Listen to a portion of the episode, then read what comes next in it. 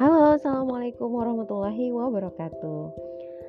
Bertemu dengan saya, Anisma Zulfiani. Insya Allah saya akan konsisten untuk sharing di aktivitas ibu setiap hari Rabu jam 16.30 waktu Indonesia Barat. So, nantikan terus ya Ada kisah-kisah menarik apa di balik kegiatan ibu kata orang ibu rumah tangga itu pekerjaan bukan pekerjaan. Jadi kalau orang pakai status ibu rumah tangga itu kayaknya dipandang sebelah mata gitu ya. Padahal ibu rumah tangga itu perannya sangat luar biasa. Jadi nantikan terus ya kisah-kisah kegiatan ibu